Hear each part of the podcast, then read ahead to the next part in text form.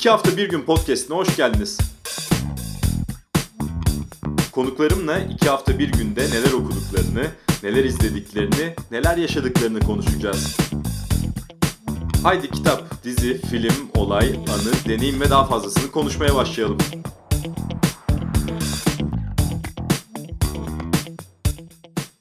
İki hafta bir günün yeni bölümünde e, konuğum Nevşin Mengü. Nevşin merhaba. Merhabalar Burak. Nasılsın, iyi misin diye sorayım. Önce biraz zor zamanlar değil mi hepimiz için? İyiyim, teşekkür ederim. Evet yani bu evde kapalı, yani daha evde, tamam evde yarı kapalıyız, yarı değiliz falan ama şey bir hal aldı tabii sinir bozucu. Bir de ben artık bu işin mantığını da anlamıyorum. Yani Türkiye açısından. Onun için inanmadığı bir şeye de insanın katılması iyice zor oluyor yani. İşte mesela sahilde koşmak yasak ama AVM açık. Yani bunu anlamıyorum ben mantığını.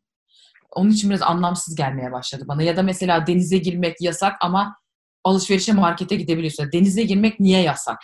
Şu bilim kurulu üyesi diyor ki sonra efendim plajda insanlar bir araya gelebilir. Abi plajda insanlar toplanırsa uyarırsın o zaman. Yani o başka bir şey, bu başka bir şey. Biz beceremiyoruz o zaman öyle kapatalım gönlümüze göre, kafamıza göre falan. Bir de hani bu Avrupa Birliği'nde falan ciddi tartışma konusu. Devlet sana ne kadar evde kal diyebilir özgürlüğünü ne kadar kısıtlı bir kısıtlayabilir? Bayağı tartışma konusu yani. En son insanlar İspanya'da eylem yapıyordu.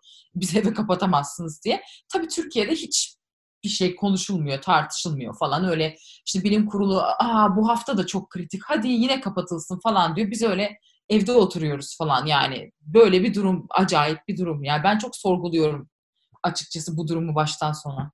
Bir de çok uzun kalmaya başladık. Ee, evde geçirdiğimiz zamanın niteliği de değişti. Ya en azından benim açımdan öyle. Sana da onu sormak isterim. Yani Hı-hı. başta zorlanmıştık konsantre olmakta, Hı-hı. bir şeyler okumakta, bir şeyler izlemekte. Hı-hı. Sonra alıştık. Fakat bu son dönemde tekrar çok zorlaştı gibi geliyor. Sende nasıl durumlar? Ya şimdi şöyle ben zaten CNN'den ayrıldıktan sonra Deutsche Welle Türkçe ile çalışmaya başlamıştım ve yani orada e, çalışma düzenimiz genellikle evlerden şeklinde idi. Yani bir işimiz falan olursa büroya gidiyorduk. Genellikle herkes işlerini evlerden freelancer çalıştığımız için ben açıkçası bu evden çalışma düzenine e, alışmıştım. Onun için hani öyle çok fazla o anlamda zorlanmak değil ama öte yandan yani artık bu her bayramda, her seyranda işte kapatıyorum kafama göre beş gün kapattım anasını satayım falan. Bu bana çok ters geliyor. Anlatabiliyor muyum? Yani Hı-hı. yanlış olduğunu düşünüyorum bunun. E, bu, bu kısmı benim e, sinirimi oynatmaya başladı. Bir de tabii sonuçta e, hiçbir şey de düşünülmüyor, hesap edilmiyor. Yani 65 üstü insanlar eve kapatıldı aylarca. Ya bu insanlar bu sefer başka rahatsızlıklar geliştiriyorlar. Bu insanların büyük bir kısmının sağlıklı yaşamlarını devam ettirebilmesi için günlük egzersiz yapması lazım. Yürümesi lazım. Alzheimer başlangıcı olanlar var. Alzheimer başlangıcı olanların böyle hayatla koparttığın zaman bu insanların bu hastalık çok daha hızlı ilerliyor. Yani hiçbir şey düşünülmüyor, edilmiyor salla kafadan ver yasağı ya da insanlar şimdi çocuklar eve kapatıldı okula gitmesin tamam peki. E yani ne, ne olacak bu nasıl organize edilecek? EBA sistemi her çocuk oturup EBA'yı dinlemez ki. Ya bunu okullar ne zaman ne şekilde açılacak? Çocukların bir senesi EBA oldu bir de e, Eğitim Bakanı yasağın ortasında açıklama yaptı bu sene sınıfta kalma yok diye. Allah aşkına sen sınıfta kalma yok dedikten sonra hangi çocuk oturur da o dersleri dinler yani? Bir sene eğitim yok gibi düşün. Yani hiçbir şey düşünülmeden, edilmeden, hesaplanmamış işte aldık mı önlem aldık hadi yallah demek için alınmış önlemler bunlar bence. Katılıyorum. Çoğuna katılıyorum. Yani e, özellikle zaten evden eğitimin bir de eşitsizlik boyutu. Türkiye'de herkesin internet erişimi aynı oranda Gayet, olmadığı için acayip tabii derinleştirdi canım. o eşitsizliği. Tabii canım, ee, tabii ki. Peki e, son 15 güne gelirsek e, nasıl? Evet. Okuma, izleme performansı nasıl? Valla benim izleme performansım zaten çok yüksek son dönemde Burak Tater'i şey yapıyorum ben espri Netflix'i bitirdim falan diye espri yapıyorum. Yalnız Netflix'te de hakikaten yüz düzgün izleyecek bir şey yok. Yani e, şaka bir yana. Film Şimdi yok. Bu, e, film en son yok. bu işte. Yani ben hiç ya, film bak, bulamıyorum Netflix'te. Evet filmler kötü. Aa, bir tane şey izledim. Phantom Thread'i izledim yalnız. Eski bir filmdir bu. E, Daniel Day-Lewis'in baş. Çok, bak o çok hoşuma gitti. Çok iyi yani orada o karakterler çok iyi. E, karakterlerin birbiriyle ilişkisi falan çok beğendim. E, fakat bir de tabii bu Michael Jordan belgeseli çok konuşuldu son dönemde. Ona da bir göz atayım dedim. Yalnız orada şöyle bir şey var.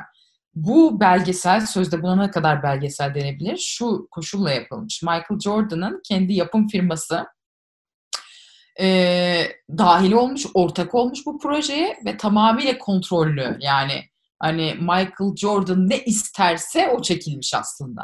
Hani belgesel denmez o zaman buna. Buna bir promosyon videosu falan demek lazım. Ya da promosyon videoları serisi demek lazım yani. Çünkü belgesel neyse onu koyacaksın ortaya.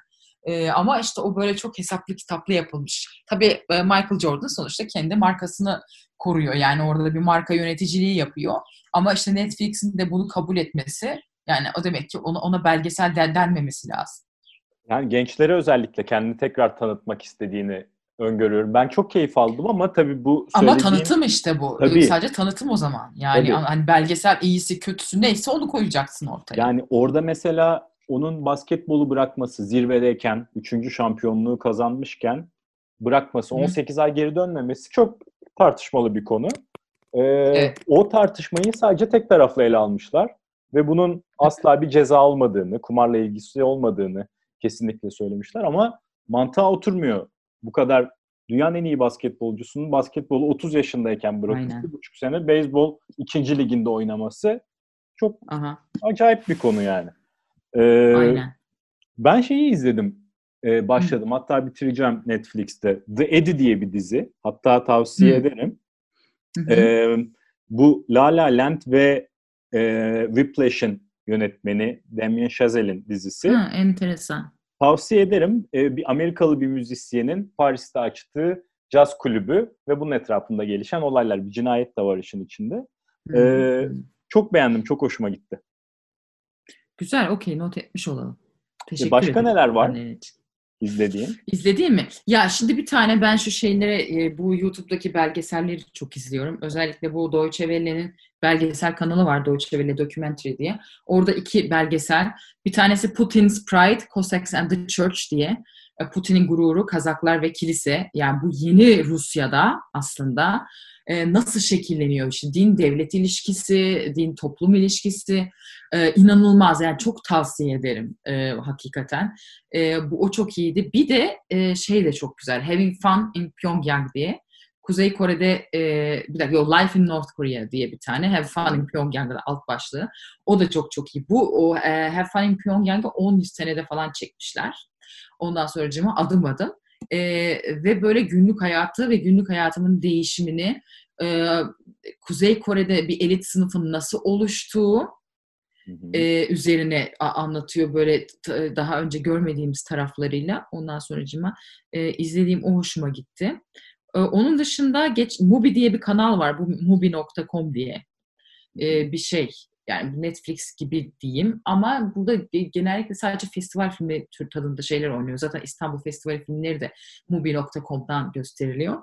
Yük diye bir şeye denk geldim. Um, Sırp, Sırp filmine. İşte bu Kosova Savaşı zamanında yani 1999'da işte Sırbistan NATO tarafından bombalanırken e, ve işte Kosova'da Sırp polisi e, Arnavutları katlederken onun içinde geçen bir hikaye. O da çok güzel. İşte bir kamyon şoförü ne taşıdığını sonuna kadar anlamıyoruz. Ama işte o dönem Milosevic e, şey yapmış. Yani Milosevicistler, Sırp devleti Kosova'da öldürdükleri Arnavutları kamyonlara yüklüyorlar. Yani dünya fark etmesin o soykırımı diye diyeyim. E, katliamı kamyonlara yüklüyorlar. Kamyonlarla getirip Belgrad'da gömüyorlar geceleri böyle gizli gizli. Ve işte bir kamyon şoförü aslında eskiden Utva'da bir e, uçak şeysinde çalışan bir adam, fabrikası çalışan bir adam. Sonra işte işsiz kalmış falan. Ailesini doyurmak için böyle bir iş yapıyor. Yani hani böyle bir taşımacılık yapıyor devlet için falan. Yolda da bir tane böyle genç böyle bir Belgradlı çocuk e, böyle punk ondan sonra o otostop çekiyor onu alıyor kamyonunu onunla sohbeti ama işte o dönemi de o birazcık da Balkanları tanımak gerekiyor işte bu festival filmlerinde de böyle bir şey var yani tanımıyorsan da anlamıyorsun işte o dönemde böyle Milosevic'e karşı yani sonuçta hani Sırpların da büyük bir bölümü Milosevic'e karşı aslında.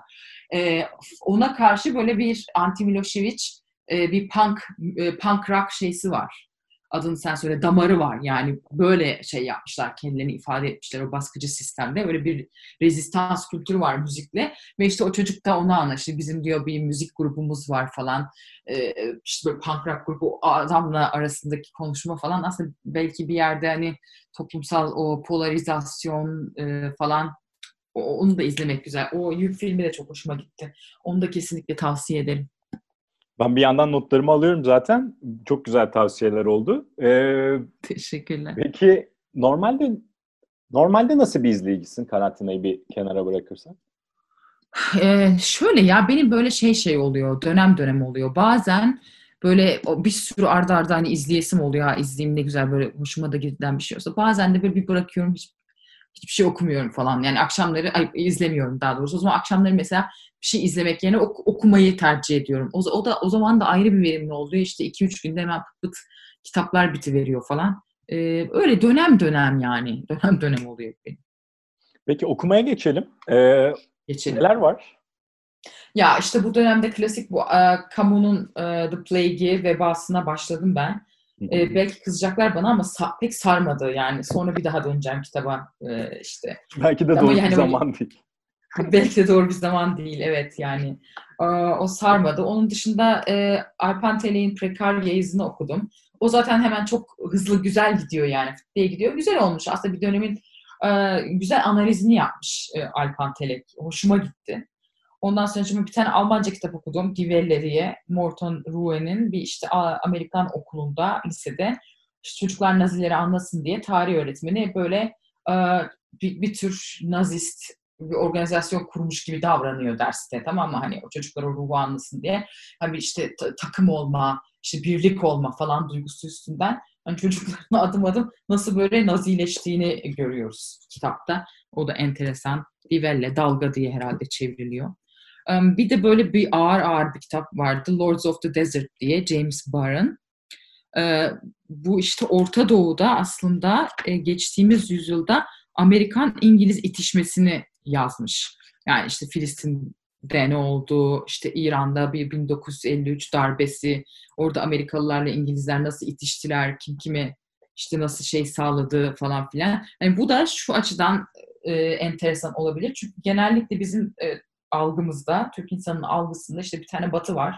Bu Amerikan, İngiliz falan bunların hepsi aynı. Aslında aynı şeyi istiyor. Aynı şeyi hedefliyor. Evet bunlar hep aynı kafa. Hani bir, bir bütünmüş bunlar. Yek vücutmuş gibi düşünüyoruz. Ama burada şeyi görüyorsun tabii ki. Değil, değil aslında. Sonuçta hani menfaatleri ne kadar çok çatışabiliyor farklı ülke. Yani bir tane batı diye bir şey yok aslında yani. Hani İngiltere başka bir şey, Amerika Birleşik Devletleri başka bir şey. Şöyle de bir şey yok şöyle bir inanış vardır. O işte Amerikan dış politikası değişmez kardeşim başına kim gelirse gelsin falan. O da öyle değil yani. Aslında hemen hemen her başkanla e, farklı doktrinler şekilleniyor ve hakikaten çok daha değişik böyle dış politika janraları görebiliyoruz. E, Amerikan siyasetinde de. O, o açıdan e, bu kitap ama böyle bir şey bir kitap. Yani her olayı bu çok ince, detaylı detaylı anlatıyor falan. Yani bir seferde de okunmuyor bazen ama dönüp dönüp böyle bakılabilecek bir referans kitap gibi bunu da tavsiye ediyorum. Ondan sonra başka şimdi bir tane sıraya koyduğum var ama onu daha okumadım. Okuyacağım. William Hale'in Türkiye'de Ordu ve Siyaset diye. Ondan sonra şimdi bir, böyle yan gözle ona bakıyorum yani bu, bu akşam yarın akşam falan başlayayım bitireyim diye. Bakışmaya başladınız artık yani. Bakışmaya başladık evet. Her şey öyle başlıyor. Şimdi e, ya tabii evdeki kitaplar gözümüzün içine bakıyor bazen yani. E, Aynen. Siyaset okurken e, kurguya zaman kalıyor mu? Bunu genel soruyorum yani. Ya ben mesela evet o da böyle dönem yani bir şey çok okuyorum hakikaten Murakami çok ben Norwegian Wood falan çok hoşuma gitmişti. Ya bir de Nusgard var ya bir Norveçli yazar var kavgam kavgamın yazarı. E, Nusgard da çok hoş yani çok e, severek okuduğum yazarlardan bir tanesi. Ya, o da işte insanın böyle mood mood bazen böyle insan hakikaten dur ya güzel bir roman şöyle bir okuyayım şeyinde oluyorsun, e, modunda oluyorsun. Bazen de böyle biraz daha araştırma kitapları okuma şeyinde oluyorsun. E, havasında oluyorsun. Yani benim için öyle oluyor. Biraz daha böyle canım ne çekerse e, onu okuyorum gibi oluyor aslında. Peki böyle aynı anda dört kitap, beş kitap mı yoksa daha sıralı sıralı mı gidiyor genelde? Vallahi dönemine göre ikisi de olabiliyor ama genellikle sıralı sıralı daha iyi oluyor. Aslında en iyi şey ne biliyor musun benim için?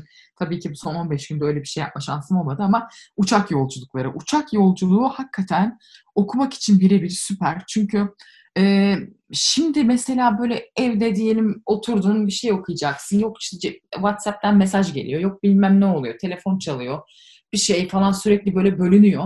Ama uçakta telefon yok, hiçbir şey yok. Sadece kitaba konsantre oluyorsun. Oturuyorsun ve okuyorsun. Yani benim en verimli okuduğum yerler uçaklar aslında. Uçağın bir de öncesi ve sonrası da var. Yani e, Aynen öyle. Çok metro doğru. giderken, beklerken, evet. sonra tekrar Aynen. gittiğin yerde tekrar metroya bindiğin zaman yani gerçekten evet. bayağı verimli. Ee, evet, evet. bir de gerçekten de Netflix gibi platformlar da bizi biraz tembelliğe alıştırıyor bence. Çok kolay. Hemen basıyorsun. Ya artık ama mesela ben bir şey söyleyeceğim. Yani zaten gitgide böyle yaşımda yaşlandıkça da böyle bir insanlardan illallah geliyor ya. Yani artık sinemaya falan gidemem ben sanırım. Yani yanımda Gerçekten oturur biri mısır yer, burnunu çeker falan. Yani artık katlanamıyorum o şeylere yani. Zaten bu e, cep telefonu çıktığından beri şeyde toplu taşımada hakikaten e, burama kadar yani çünkü insanlarda sürekli bir telefonla konuşma şeysi var bizim evet. insanımızda sağ olsun. Ve insanlar çekinmiyor ya. Yani açıyor dolmuşta avaz avaz. Ya kardeşim ben senin özel hayatını dinlemek zorunda mıyım yani? insanların özel hayatına maruz bırakılıyoruz yani bu toplu taşıma araçlarında. Böyle bir kültür var yani çok bir acayip. De, bir de şu var. Allah'tan bu, metroda çekmiyor da yani. Bu yeni galiba kulaklıksız video izleme. Aa evet. Ya bir uçak yolculuğunda oldu o. Böyle bir bir takım bir çocuklar bunlar. Handbolcu mu falan bilmiyorum.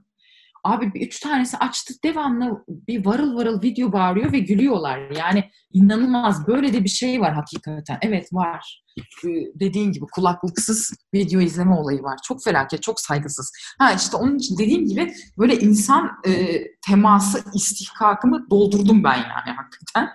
Doldurdum mümkün olduğunca az yani iş için iş için ne kadar temas edeceksem sonra mümkün olduğu kadar etmeyeyim diye düşünüyorum. Ama ben mesela sinema salonunu özlüyorum. Özleme sebebim de şu. E, mesela film 2 saat. Oradaki bir 5 dakika arayla 2 saat 5 dakikada biten bir film. Evde 2 saatlik filmi asla 2 saatte bitiremiyorum. Öyle bir derdim var. Yani Öyle mi? E, ya benim filmine bağlı bazen. E, mutlaka ara veriliyor. Yani ne bileyim telefon çalıyor ya da işte bir evet, insan bir mutfağa oluyor. giriyor. Bir mutfakta şimdi bir de sürekli yemek yapıyoruz içeri gidip vesaire falan filan. Hani sinemada o verimi bir anlamda sağlıyor. Ama o, o doğru. Yani öndeki insanların telefonunun ışığı bilmem nesi o, o acayip bir şey yani. Evet maalesef ya. Maalesef. Ee, şimdi epey bir külliyatımız oldu elimizde. Nevşin Mengi'nin kitapları ve filmleri olarak. Ee, onun dışında bir de şey sorayım o zaman. Özel olarak sevdiğin bir yönetmen, özel olarak sevdiğim Murakami yazar olarak söylediğin öyle bir yazar. Yani bunları mutlaka takip etmeye Hı-hı. çalışıyorum. Bendeki yeri çok ayrıdır dediğin insanlar var mı? Ha güzel bir soru. Ya işte dediğim gibi biraz Nosgard'ı beğeniyorum. Onu takip e, ediyorum. E, şeylere şeyler çok o da biraz olgunla yani biraz yaşın büyümesiyle geliyor. Mesela artık e, Zeki Demirkubuz filmlerin çok hoşuma gidiyor. E, Demirkubuz'un filmlerine bakıyorum klişe olacak ama ben Nuri Bilge Ceylan'ı da çok beğeniyorum hakikaten. Hakikaten yani Nuri Bilge Ceylan ne çekse işte onun için hakikaten hani NBC için gidip sinemada izleyeyim diyorum açıkçası. Yani o, onu beğeniyorum. Ee, böyle bunlar. Yoksa onun dışında biraz bu konuda şeyim ben ya. Pers açık perspektifim açık yani. Her şeyi okuyup izleyebilirim. Her şeyi deneyim, deneyimleyebilirim. Peki Nuri Bilge Ceylan'ın en sevdiğin filmi desem? E, en sevdiğim filmi e, aslında Bir Zamanlar Anadolu'da bir, iki Kış Uykusu. Ben de Kış Uykusu'nu çok seviyorum. Kış Uykusu çok güzel. Çok güzel. Taş bu aralarda izlenebilir belki 3 saatlik bir film tekrardan. Evet, evet. doğru. Peki Nevşin Mengü çok teşekkür ediyorum. Çok güzel bir sohbet. Ben teşekkür ederim. Sağ olasın. Görüşmek üzere. Bay bay.